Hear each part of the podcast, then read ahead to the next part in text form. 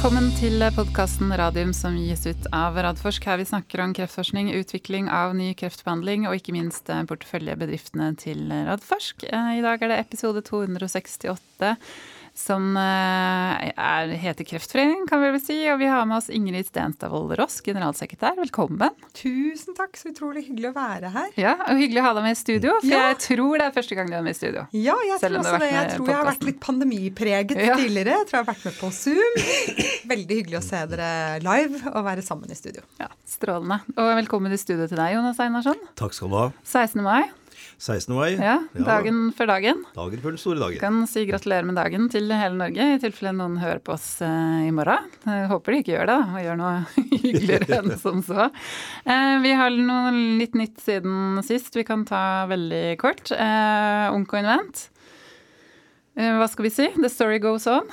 Ja da, det var det var vel ikke så overraskende at Alfheim gikk av. Han annonserte det jo allerede på generalforsamlingen, så da får vi håpe de får en uh, god ny CEO og kan jobbe videre med Radsferien som de skal gjøre. Ja, absolutt. Det, jeg føler at de trenger litt ro i selskapene til å jobbe med det de faktisk skal eh, jobbe med. Absolutt. Det er det viktigste, faktisk. Eh, og så så jeg at det var en spennende forskningsnyhet i, i VG i dag.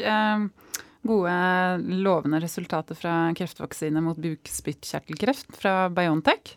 Det vet sikkert Ingrid mer om enn en, en meg, men nei da. Altså. Kjetil Tasken hadde eh, ja. sagt eh, gått god for studien. Han sa at det var en veldig god studie selv om det var på en liten pasientgruppe på 16. Det er igjen veldig liten, men å ja, bukspyttkjertelkreft er jo ja. virkelig en av våre en av ordentlig de, store utfordringer. Så at immunterapien kanskje kan begynne å gjøre noe der, det hadde vært utrolig spennende. Altså. Ja, her istemmer jeg. Det fantastisk viktig med fremgang og resultater for en uh, pasientgruppe som uh, har stått på stedet hvil i altfor lang tid. Ja, Så, vi snakker jo 40-50 år, liksom. Det gjør vi, ja. og disse kreftvaksinene er jo lovende. Mm. Det er kjempespennende. Mm. mm. Så får vi vente og se til de har uh, hatt mer data, eller får mer data på Absolutt. flere pasienter.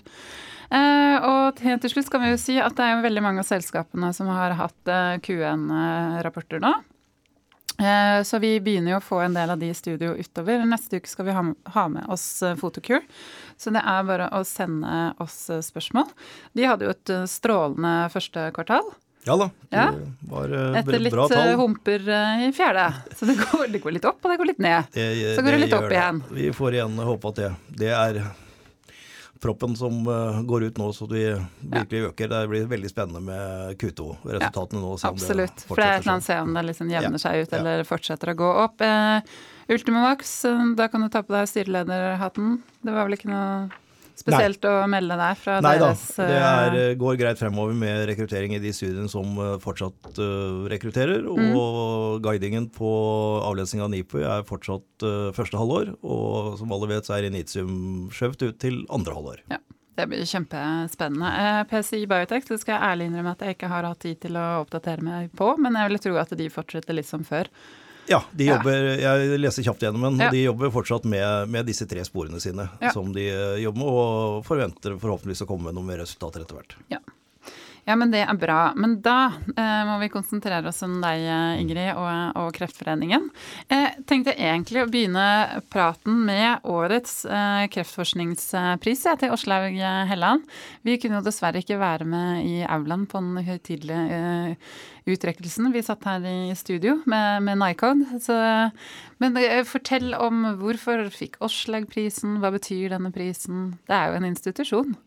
Ja, definitivt. Altså La meg begynne med Åslaug da, som prisvinner. Det er naturlig å gjøre. Eh, en fantastisk verdig prisvinner. Eh, betyr veldig mye for veldig mange pasienter. Hun har jobbet eh, klinisk og tett på pasientene, og da særlig lungekreftpasientene, selvsagt, mm. i veldig, veldig mange år.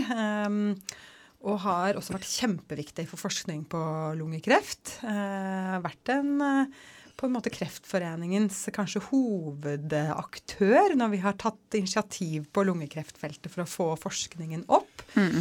Eh, og har jo fantastisk mange publikasjoner, har gjort, eh, vært betydningsfull innenfor akademia. Mm. Og som selvfølgelig er det som eh, nominasjonen legger opp til. Men det som jeg brukte tid på i aulaen, og som jeg syns er vel så viktig egentlig i denne sammenhengen, det er jo Åslaug Helland som lagbygger. Hun er jo en helt fantastisk lagbygger.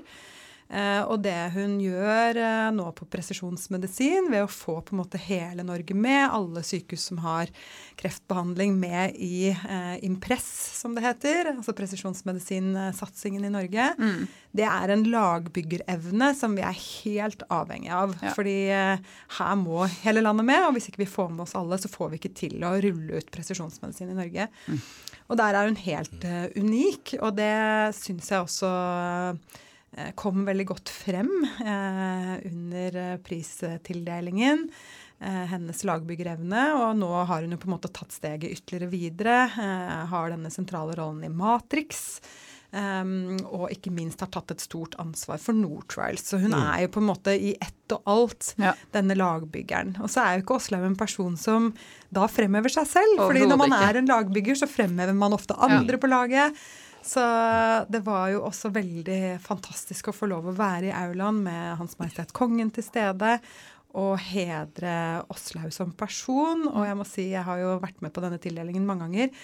Jeg har aldri opplevd en sånn varm applaus fra salen over en prisvinner. Det er så åpenbart at den lagbyggerevnen, det at hun er så tydelig på pasientenes side, det skapte en helt spesiell atmosfære i aulaen. Mm og en varme og takknemlighet fra salen som jeg syns var fantastisk, rett og slett. Helt fantastisk. Ja, det vil jeg tro. Det er eh, sånn som du beskriver Åslaug, er absolutt sånn som vi også kjenner ja. henne. Hun er jo så ja, utrolig liksom ydmyk og god og raus, og så, så lynende intelligent. Og som du sier, da, denne evnen til å bygge lag. Mm.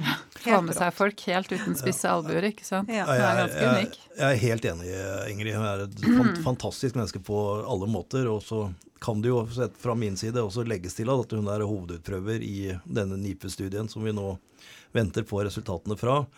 Uh, og hun er ikke bare hovedutprøver, men det er hennes initiativ, det er hennes studie. Vi uh, I Ultimovax har vi bare fått lov til å bidra med vår vaksine, men det er hun som har dratt det helt igjennom, og under pandemien gjennomfører den studien med rekruttering på omtrent den tiden vi hadde forventet ja. før pandemien. Det er er imponerende. Så det, jeg tror hun er like spent som oss nå på resultatene skal komme. Ja. Jeg tenker Åslaus døgn må ha mer enn 24 timer. Eh, ja.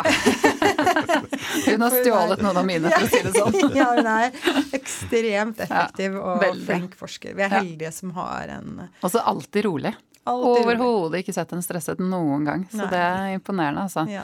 Men, men, litt om Kreftforskningsprisen som en sånn institusjon. Den betyr jo utrolig mye for disse ildsjelene, da, som Åslaug og, og, andre, som får den hvert eneste år. Absolutt. Eh, Kong Olav 5.s kreftforskningspris det er jo Norges eh, mest prestisjetunge kreftforskningspris. Mm. En veldig høytidelig og fin markering, og, og rett og slett en måte å hedre fremragende forskningsresultater på. Uh, dette har vi gjort i Kreftforeningen siden 1992. Uh, så det er mange mm. år. Det er mange verdige prisvinnere. Uh, og en nominasjonsprosess og et system for dette som også gjør at jeg mener vi virkelig står med et knippe fremragende forskere som har fått denne prisen når mm. man ser bakover i tid. Så er det jo som dere vet veldig stor forskjell på forskningen. Det er jo mange grunnforskere som har fått prisen. En del kliniske forskere som har fått prisen. I fjor fikk Håvard Danielsen prisen. Mm. Da var vi innom kunstig intelligens som Ikke tema. Mm. Så sånn tematisk så spenner jo kreftforskningen veldig bredt, og det syns også når man ser på prisvinnerne over mm. tid. Og nå var det hyggelig at uh, eh, Åslaug som klinisk forsker um, fikk prisen. Og som jeg sa, det var Vi hadde en um, i aulaen så prøver vi alltid å ha en, uh, en, pasientstemme, eller noen som på en måte kan være et slags sannhetsvitne om at forskningen nytter. Mm. Og da er det jo litt spesielt når det er en som faktisk Åslaug har hjulpet, som ja. står på scenen eh, og beskrive hvordan forskning har, eh, har gitt egentlig livet i gave. da. Mm. Ehm, så, så når man kommer så tett på pasientene, så får du selvfølgelig en ekstra dimensjon, ja. i, i, formidlingen der. Men, mm. men, når man ser over tid, så er det akkurat sånn som det skal være. Mm. Uh, man ser eksempler på dette, denne brede spennvidden i uh, kreftforskningen, og vi trenger å angripe dette, denne sykdommen fra utrolig mange vinkler. For det er jo ikke ja. én gåte, ikke sant? det er så mange gåter. Ja. Mm. Det er akkurat det der. Nei, og det skal også vite at det betyr veldig mye for hele miljøet vårt, også her i, i Oslo Gasscluster og i, i, Innovasjonsparken, og alle de som prøver å utvikle legemidler basert på denne forskningen, og prøver å streve seg gjennom oppstartsselskap og pengeinnhentinger og alt dette, så er det en motivasjon når vi ser at dette miljøet tildeles dette. altså Åslaug er aktiv med i utviklinga av noen av våre selskaper. Håvard Danielsen har jo også brakt dette ut til ut i den, i den virkelige verden. Så, så, for oss betyr dette mye også. Mm. Det gjør det, absolutt. Eh, vi må over og snakke litt om eh, helsenæring. Mm -hmm. Det er jo noe som eh, på en måte Radforsk og Kreftforeningen har felles. At man ønsker jo å få altså kreftforskninga ut til pasientene. Og så kan man jo også bygge en, en næring eh, rundt det. Eh, også nå fikk man jo nylig med at helsenæring skulle være en del av Norges eksportråd sin satsing mot 2030, så det var veldig hyggelig. Eh, veldig, veldig, på tide. Eh, og så har jo regjeringa også varsla et, et, såkalt veikart for, eh, for helsenæring. Eh, da lurer jeg litt på hvilke forventninger har du nå framover til mer hva skal man kalle det for noe overordning, overordning av politikk politiske innretningen på, på helsenæringen? Ja, Først må jeg si at dette er veldig positive signaler, men vi er langt fra i mål. Mm -hmm. Det er ikke mhm. sånn at regjeringen har vedtatt at uh, helsenæring skal bli eksportsatsing uh, uh, fremover. Det er et forslag som ligger der. og Det er et godt fundert forslag. Det er veldig mange som stiller seg bak forslaget. og jeg tenker at Den samlingen i laget den er ekstremt viktig. Mm -hmm. Eh, det gir kraft at ja. det er så samlet tyngde bak et sånt forslag. Men vi har fortsatt mye vei fremover, og det er utrolig viktig. Det er jo først og fremst For Kreftforeningen så er det først og fremst viktig fordi at for pasientene mm. så er helsenæring forskjell på liv og død. Ja. Eh, og det er dager til livet eh, med bedre livskvalitet, forhåpentligvis. Og det er eh, det er det viktig å få understreket. at vi, vi, er jo, Kreftforeningen er jo tunge på forskningssiden. Finansierer jo en tredjedel av all norsk kreftforskning. Men uten at noen kommersialiserer og tar det ut i markedet, så blir det jo ikke noe forskjell for pasientene. Så vi må Nei. tenke hele kjeden. Og da er helseindustrien da, veldig, veldig viktig for oss. Mm. Uh, og så er, mener jeg at det er uh, en dimensjon til ved dette. Det handler om bærekraften i helsetjenesten. Det har mm. vi jo fått mange Den er litt vaklende for tiden. Vaklende. Vi har fått mange rapporter eh, på hvordan dette kommer til å se ut fremover. Og det er klart Hvis man ikke innoverer og tar i bruk eh, nye løsninger, så er jo ikke helsetjenesten bærekraftig. Nei. Så man må fase ut det som ikke virker, og fase inn det som virker. Og da trenger man hele tiden en, et, et, veldig ganske, et stort innovasjonsfokus. Mm. Um, og sist, men ikke minst, så er jo dette uh, norske arbeidsplasser. Vi skal jo leve av noe etter mm. oljen. Uh, og dette er veldig produktive, veldig viktige arbeidsplasser for Norge. Mm. Sånn at uh, her er det en slags sånn Kinderegg-effekt, tenker jeg. Hvor mm. for oss er det selvfølgelig viktigst den verdien det gir for pasientene. Mm. Men det er også en helt helt eh, åpenbar verdi for selve helsetjenesten, og en verdi for Norge i form av eh, arbeidsplasser og ja. inntekter. Sånn sett så er det jo liksom en no-brainer, da. Så jeg blir jo litt sånn svett over at det må ta så lang tid. Vi ja. jobber jo med dette politisk i mange år og har jo blitt ja, litt utålmodige etter hvert. Absolutt, si. men eh, det, det, betyr utrolig mye for oss som jobber med dette her, med helsenæring, med å utvikle dette økosystemet. Og hvis lytterne hørte noe brumming i bakgrunnen her, så er det, er det fordi vi holder på å bygge det nye, det nye bygget vårt rett ved siden av. Som forhåpentligvis skal eh, inneholde enda mer laboratorier og forskere og bedrifter som skal utvikle nye kreftlegemidler. Men eh, Kreftforeningen nå de senere årene har vært veldig tydelige på at det vi gjør med å jobbe med disse her, om det er eh, Ultimax eller Nycod eller hvilke mm. selskaper det er, er viktig for pasientene. Og da det perspektivet kommer så tydelig frem for politikerne nå, det betyr veldig mye for oss som jobber med dette. Vi, vi jobber selvfølgelig for å bygge bedrifter og håper at investorene våre tjener penger, men vi er her nå for, for pasientene. pasientene. Ja, absolutt. Det, er, eh, det, kan jeg underskrive på. Jeg mener at altså Det skjærer meg i hjertet. Jeg vet det finnes eksempler på selskaper eh, under Radforsk som har måttet legge kliniske studier til utlandet, f.eks. Ja, ja. Det er jo helt forferdelig. Ja. Det er jo klart at dette skal komme norske pasienter til gode. Det skal komme selvfølgelig alle pasienter til gode, for innovasjon kjenner jo ikke landegrenser sånn sett, og det skal bli eksport av det og sånn. Men i eh, fasen med å bygge opp selskaper og gjøre dette kommersielt, så er det klart det skal komme norske pasienter til mm. gode. Mm. Og det krever en politikk som legger til rette for det. Og her har jo jeg veldig sterke forventninger til det. For det er jo ikke bare en uh, forslag til eksportsatsing, Nei. det er også dette veikartet. Ikke sant? Jeg har veldig tydelige forventninger til et veikart som, uh, som nå tar ned de barrierene og gjør det mulig å skalere opp en helseindustri i Norge. Mm. Uh, og jeg må si jeg er veldig glad for at vi har en næringsminister som nå foreslår denne pakken med Mm. både et veikart og en mulig eksportsatsing. Mm. Det er jo lenge siden vi fikk en helsenæringsmelding. Det har skjedd lite fra Ja, da til nå. Det er på tide å ta tak, og det opplever jeg at, eh, at ministeren gjør, statsråden gjør. Det syns jeg er veldig positivt. Mm. Vi kommer til å etterspørre ganske mange konkrete ting i dette veikartet. Mm. Eh, Vi er jo opptatt av eh, en sånn ting som klyngenes funksjon i Mm. fremtiden. Eh, Vi er opptatt av at det skal være mulig, i mye større grad mulig å teste eh, underveis, så man får opp tempo i kommersialiseringsprosessen. Da trenger vi noen testfasiliteter, Ja. noen katapult. Dette har vi snakket om tidligere. Så det er veldig konkrete tiltak som vi etterspør, og som jeg opplever egentlig et veldig samlet miljø Mm. som, som stiller seg bak. Mm. Så jeg tror vi skal klare å være konkrete med og, og felles i innspill til veikart. Og jeg tror og håper at Kreftforeningen skal gjøre alt for at vi også står samlet i det fortsatte arbeidet med å få dette inn som en eksportsatsing for Norge. Mm. Ja, det er viktig. Absolutt. Um, og apropos strategi, dere jobber jo med strategi for Kreftforeninga også. en Ny strategi. Uh, kan du si litt grann om hvordan, altså hva den skal inneholde? Jeg har hørt litt om det at dere jobber jo også med da å korte ned den tiden nettopp det tar fra forskning til å få det, altså få behandlingen til pasienten. Og det er jo ikke lett. Det er ikke lett. Nei. Ja, jeg kan si litt om det. Nå er jo dette arbeid i prosess. Ikke sant? Da er det alltid litt skummelt å begynne, å- nei, å begynne å forskuttere noen ting. Det er disse tingene vi diskuterer, og vi har hatt fantastiske runder og, og liksom ja, spurt rundt oss, da. Eh, om råd i så måte. Jonas har vært en av våre, våre liksom, Rådgivere. rådgivere ja, i prosessen. Og vi har eh, forsøkt å innhente mest mulig innsikt og mest mulig utenfra-blikk. Men eh, altså, hovedrammene ligger der. eh, og det, det vet vi alt. Altså, Kreftforeningens eh, oppdrag er å bekjempe kreft. Og vi gjør det gjennom tre hovedmål. At færre skal få kreft, at flere skal overleve kreft, og bedre livskvalitet for pasienter og pårørende. Og faktisk også etterlatte.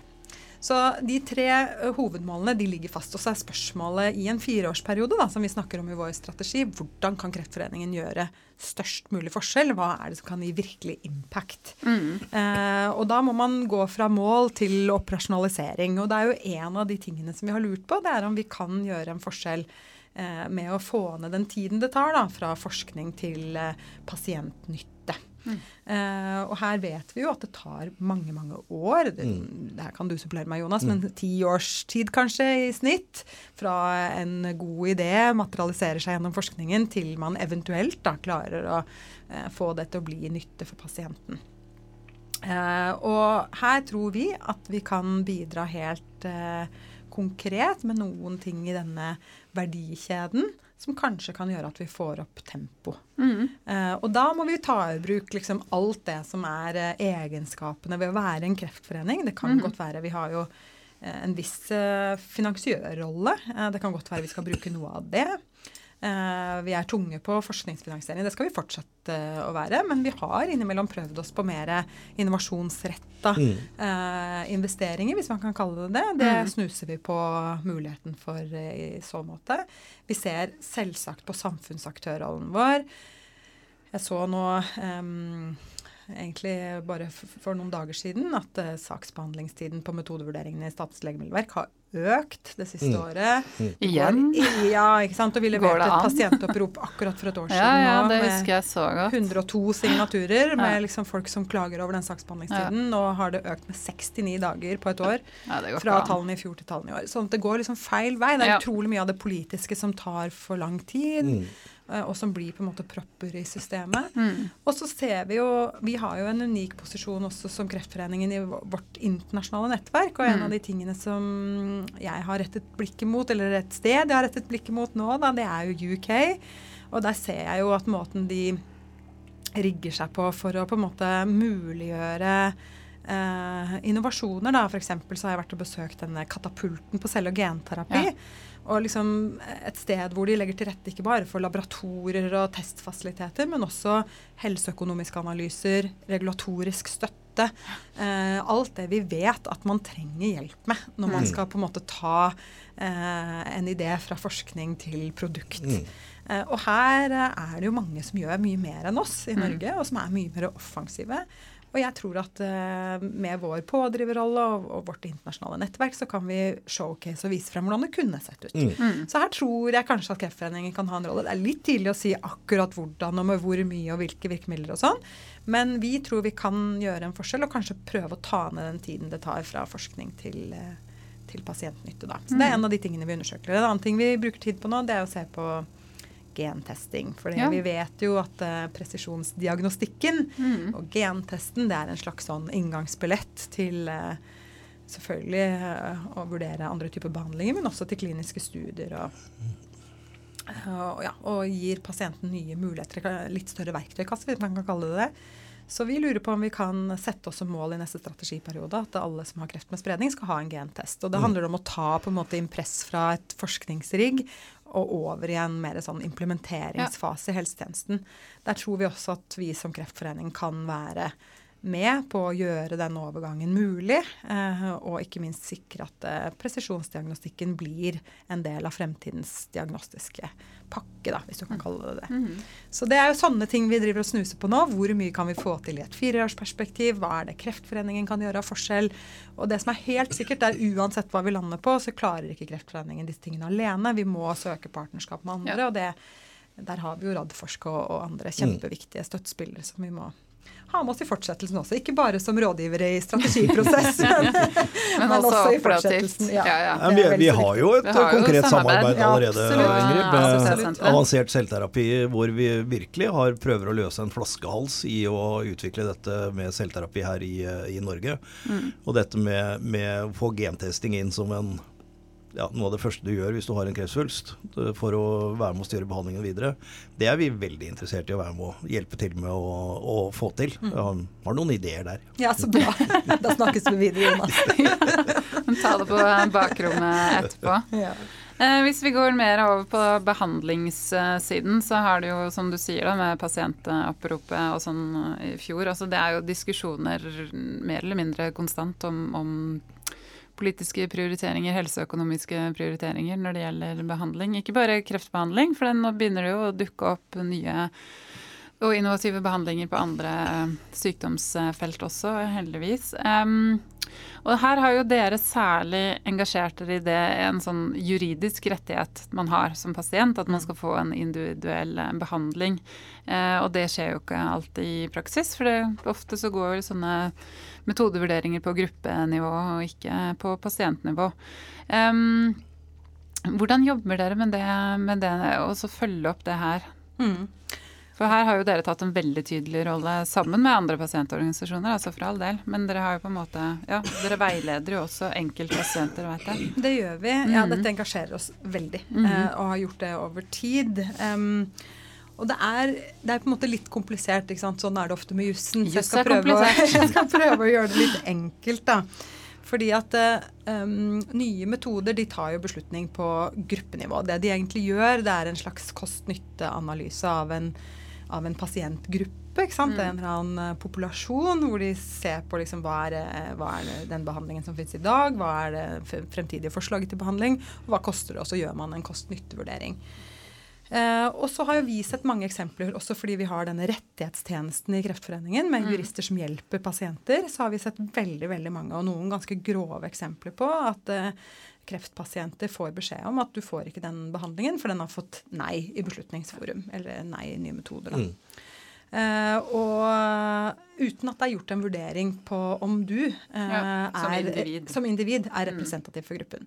Og For å gjøre det litt sånn enkelt, så kunne man jo sagt at uh, hvis man hadde tatt ja, Kan vi gå tilbake til lungekreften da, og mm. Åslaug Hellands felt. ikke sant? Hvis man hadde sett på gruppenivå på, på lungekreft, så er det ofte røyker over en viss tid. De er ofte over 70 år, kanskje. ikke sant? Sånn at en gjennomsnittspopulasjon vil ha noen karakteristika som gruppe. Og så plutselig får jeg lungekreft, da. Ja. Og så har jeg, jeg eh, ikke vært stor røyker, og ikke er jeg riktig aldersgruppe. Og så er spørsmålet er det karakteristika ved meg mm. som gjør at jeg hadde hatt nytte av den behandlingen, selv om ikke man på gruppenivå har vurdert den mm. som kost-nytte-effektiv. Og den individuelle vurderingen, den har du rett på. Ingen pasienter har rett på absolutt beste behandlingen til enhver tid, men du har rett på en individuell vurdering mm. om du kvalifiserer til en annen behandling enn den som gis på gruppenivå. Et annet eksempel kan jo være at pasienter kan være allergiske mot en medisin. Tenk om man bare skulle forholdt seg til dette på gruppenivå. Ja, det gjør man jo selvsagt ikke i helsetjenesten. Nei. Man tar jo hele tiden individuelle hensyn. Og så ser vi at uh, her blir kanskje systemet noen ganger litt systemtro. Sånn at når det er et nei i Beslutningsforum, ja ja, da er det nei for Ja. alle. Um, og så vet jeg samtidig om veldig mange klinikere som er flinke til å vurdere Selvsagt er det det, ikke sant. Den individuelle pasienten som man har foran seg eh, til enhver tid. Men vi skulle ønske at dette kom klarere frem, da. Um, Ja, for da blir det jo veldig tilfeldig, ikke sant? I forhold Litt tilfeldig ut fra hvilken kliniker du har, og hvilken behandling og, Mm. eh, og hvilket system du er i. Og derfor er det, nå har det blitt signalisert fra regjeringens side at det skal settes ned tre ekspertgrupper knyttet til denne prioriteringsmeldingen. Mm. Og én av de skal se på gruppebeslutninger mot individuelle beslutninger. Og det er en sånn liten delseier for Kreftforeningen. Det er jo ikke noe vi roper veldig høyt om, men jeg syns det er veld, en veldig prinsipielt viktig problemstilling. Um, og det er krevende for klinikere i dag å forstå handlingsrommet sitt. Vi ønsker at det skal være klarere, sånn at folk eller klinikere vet hvordan de skal forholde seg til dette, og at man opplever en lik praksis eh, som pasient. Sånn at, eh, og da er det jo litt sånn, det er et langt lerret å bleke, ikke sant? Um, uh, men sånn er det i prioriteringsspørsmål. Det er vanskelige spørsmål, og det er krevende også, også for Kreftforeningen. Ja, ja. Så, sånn at eh, dette vil jo være et pågående arbeid, men vi kommer til å fortsette å, å slåss for retten til en individuell vurdering eh, i dette systemet, som i veldig stor grad lener seg på gruppebeslutninger. Ja, det er kjempebra og veldig viktig. Har du en kommentar? Nei, ikke noe annet enn at eh, etter nesten 20 år som allmennpraktiker, så kan jeg understreke at det er ikke grupper av pasienter jeg sitter med på kontoret, men det er én og én pasient en. som jeg helst vil hjelpe best mulig. Så jeg skjønner dilemmaet veldig godt. Og det er, vi må bare fortsette å jobbe også mot det hele, ikke mot, men få dette systemet til å bli enda bedre. Så oppslag i Dagens Medisin i dag. eh, Hvor det var en av våre fremste forskere i Bergen, eller klinikere, som eh, nå var veldig redd for at eh, Beslutningsforum skulle si nei til en ny medisin. Det var AML, tror jeg. Mm. Fordi de som da har gjort denne kost-nytte-vurderingen, de hadde lagt dobbel dose og dobbelt så lang behandlingstid til grunn som klinikerne har funnet ut at er den beste måten å gjøre det på. Det kom opprinnelig ut med den dosen og den lengden, og så tilpasser jo klinikerne dette Ja. her ut ifra bivirkninger og uten, ut fra effekt. Og han sier altså at den prisen blir da dobbelt så dyr som den egentlig koster når vi behandler våre pasienter. Det er det ingen som har spurt han om. Nei, og eh, Noen sånne eksempler har vi fra myelomatosefeltet også, hvor man har strides om em, Klinisk praksis. Ja, klinisk praksis både når det gjelder dose og lengde uh, på behandling. Og det er klart at når du da vurderer pris, så får Ja. jo det enorme utslag. Og dette er jo en kost-nytte-vurdering hvor det veldig ofte handler om pris. Mm. Sånn at eh, det at du har klinikerinvolvering, det tror jeg vi, altså vi er i ferd med å få mer av det. Det er Ja. kjempepositivt. Eh, men at du får en god klinikerinvolvering, og at du får en mer transparent prosess, sånn at man får diskusjoner rundt disse tingene, det mener vi er kjempeviktig. Ja, det er kjempeviktig, altså. Det er virkelig. Eh, da over til litt mer hva skal man si, hjemlige utfordringer. Altså, nå hørte vi jo den spuntinga. Det er jo da fjerde lamellen på Innovasjonsparken. Ja. Der er vi good to go. Der er vi good to go. Der er vi, der er vi liksom eh, Der bygger vi. Der bygger vi og spunter og holder på. Men eh, på andre siden av bygget så har man også lyst til å ha en utvidelse av Innovasjonsparken. Dvs. Si utvidelse, det er jo en dobling, holdt jeg på å si. Ja. Ja, rett og slett. Eh, Det har jo ikke vist seg å være så lett eh, å få Oslo kommune med på i forhold til å få kjøpt noen tomter av de og reguleringer, og det har vært ymse oppslag i, i pressen. Og der har jo også dere i Kreftforeningen engasjert dere veldig, Ingrid. Altså, hva tenker du om den saken, sett fra deres eh, ståsted? For det første så jeg tenker egentlig tre ting. Eh, for det første så tenker jeg at det er fantastisk at alle er enige om at det arealet skal brukes til helsenæring. For det er det ingen tvil om. Der er liksom alle parter enige. Og de er så enige at det, det har jo aldri vært eh, liksom vurdert, i hvert fall ikke ja, siste tiden, at disse tre små tomtene som striden står om, i det hele tatt kvalifiseres til noe annet formål. Nei. Så det er jo Så det er avklart. godt. Veldig godt utgangspunkt. Ja. Så uh, punkt én, alle er enige om at tomtene skal brukes til uh, mer helseindustri uh, her. Det er punkt én. Punkt to, som jeg også er veldig glad for, det er at forretningsmodellen din, Jonas, den er jo godt testet og Mm. gjennomdokumentert. og vi vet jo hva Ja, det er en suksess! Vi vet jo hva det gir av verdi. Ikke? Eh, ikke sant? Det er ikke som om vi gjør dette for første gang og skal bevise om eh, helsenæring skaper gevinst for både pasienter og samfunn og, og sånne ting. Dette er gjennomdokumentert. Og da er jo punkt tre Da er det helt absurd for meg at man ikke klarer å få til en transaksjon på tre småtomter. Eh, og det er faktisk sånn så absurd. Nå har ikke jeg veldig mye i noen sammenheng i Kreftforeningen mye med eiendom å gjøre. på en måte. Det er ikke mitt ekspertisefelt i det hele tatt.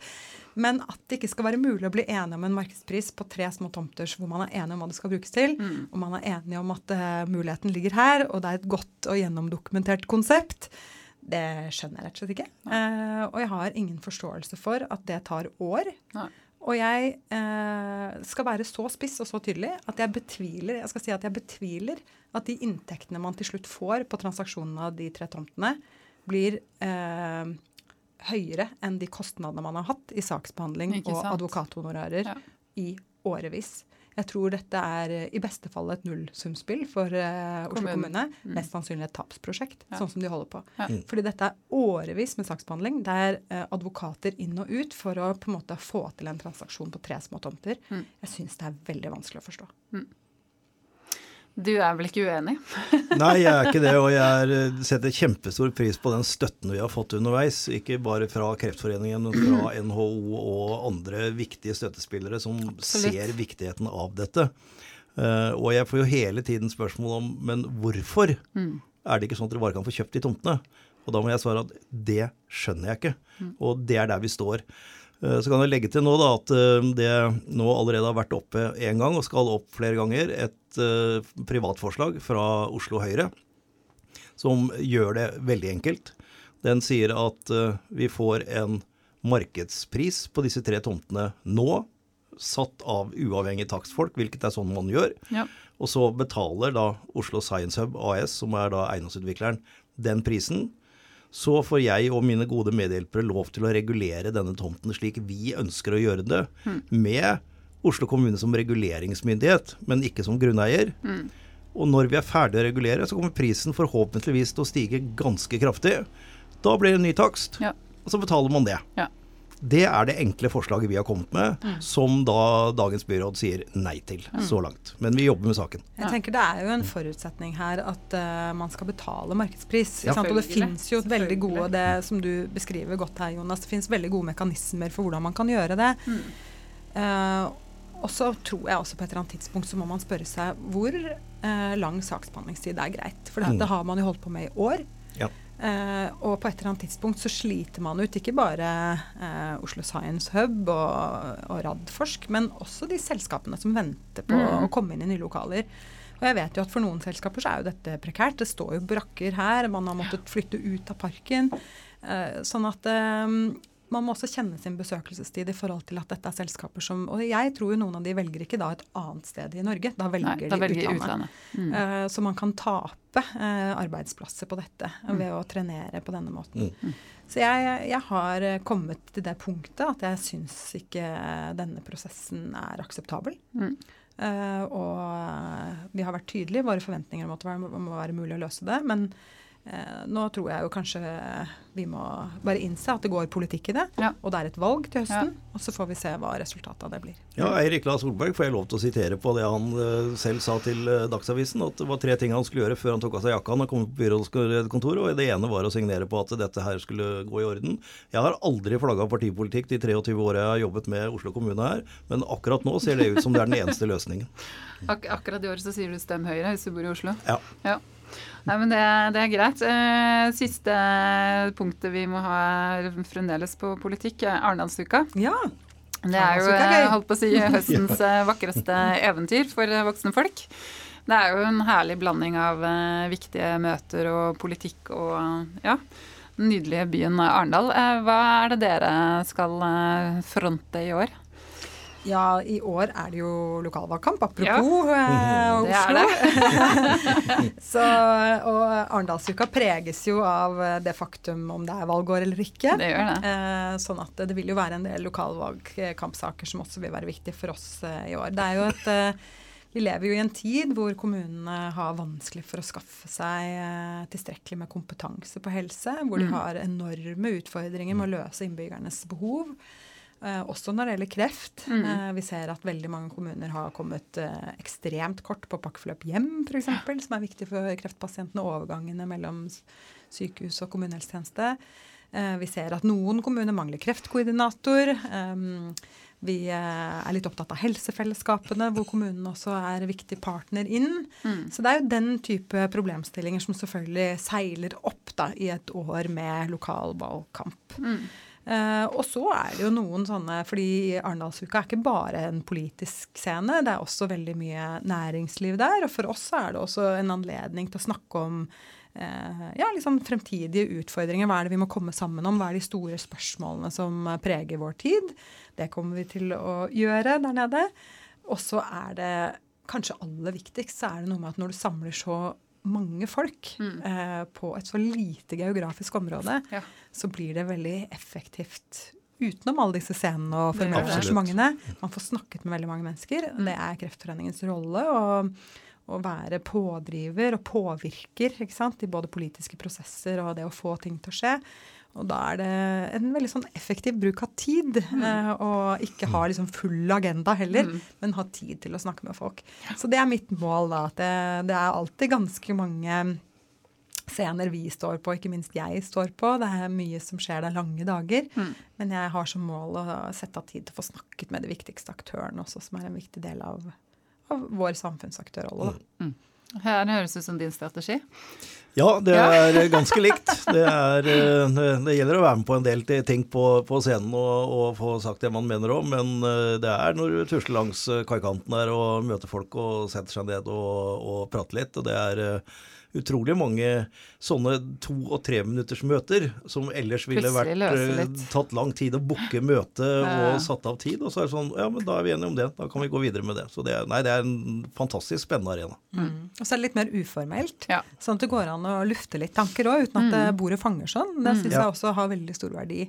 Tenker jeg nesten vi kunne tatt med oss inn i hverdagen. At Ja. vi kan kaste litt oftere ball med hverandre. Det syns jeg også man gjør der nede. Det er en uformell, litt sånn feriefølelse. Ja, som gjør at folk senker skuldrene litt Ja. og er villige til å åpne opp og vurdere noen andre perspektiver og sånn. Så jeg syns det er fint å være der. Ja, det, er- det er, siste der er veldig godt poeng. Altså, for det er et eller annet med at vi Oslo-folk kommer oss ut av Oslo-bobla, ikke minst. ikke sant? Så vi er ikke på kontoret og som du sier da, nødvendigvis bordet fanger og blir så seriøs, men at du kan da sitte og drodle litt. Mm.